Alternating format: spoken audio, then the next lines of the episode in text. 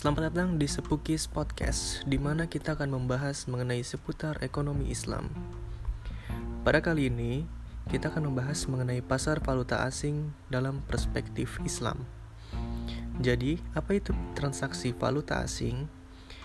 Valuta asing sendiri adalah mata uang luar negeri seperti ringgit Malaysia, dolar Amerika, yuan Cina, dan sebagainya. Di dalam kamus bahasa Arab, Transaksi valuta asing diistilahkan dengan kata al-sorf, yang berarti jual beli valuta asing. Menurut Taqiyuddin An-Nabani al-sorf adalah pemerolehan harta dengan harta lain dalam bentuk emas dan perak yang sejenis dengan saling menyamakan antara emas yang satu dengan emas yang lain atau antara perak yang satu dengan perak yang lain atau berbeda sejenisnya. Semisal emas dengan perak, dengan menyamakan atau melebihkan antara jenis yang satu dengan jenis yang lain. Dari pengertian di atas, dapat disimpulkan bahwa asorf merupakan suatu perjanjian jual beli suatu valuta dengan valuta lainnya.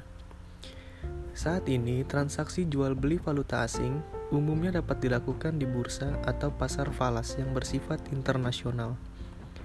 Pasar falas menyediakan sarana fisik dan menerapkan manajemen valuta asing.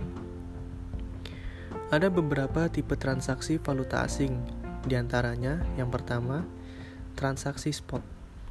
Merupakan transaksi falas dengan penyerahan dan pembayaran saat itu juga. Yang kedua, transaksi forward. Merupakan transaksi falas dengan penyerahan pada beberapa waktu mendatang. Ketiga, transaksi swap pembelian dan penjualan bersamaan sejumlah tertentu mata uang dengan dua tanggal penyerahan yang berbeda. Yang keempat, transaksi opsi merupakan kontrak untuk memperoleh hak dalam rangka membeli atau hak untuk menjual yang tidak harus dilakukan atas sejumlah unit falas pada harga dan jangka waktu tertentu.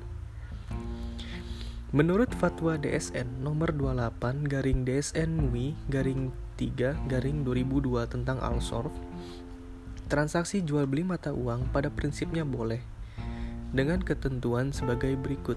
Yang pertama, tidak untuk spekulasi.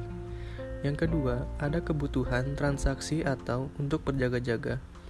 Yang ketiga, apabila transaksi dilakukan terhadap mata uang sejenis, maka nilainya harus sama dan tunai. Yang keempat, apabila berlainan jenis, maka harus dilakukan dengan nilai tukar atau kurs yang berlaku pada saat transaksi dilakukan dan secara tunai. Sedangkan untuk ketentuan mengenai hukum jenis-jenis transaksi falas yang terjadi di pasar falas dijelaskan dalam fatwa tersebut sebagai berikut. Yang pertama, transaksi spot hukumnya boleh karena dianggap tunai. Sedangkan waktu dua hari dianggap sebagai proses penyelesaian yang tidak bisa dihindari dan merupakan transaksi internasional. Yang kedua, transaksi forward. Hukumnya haram.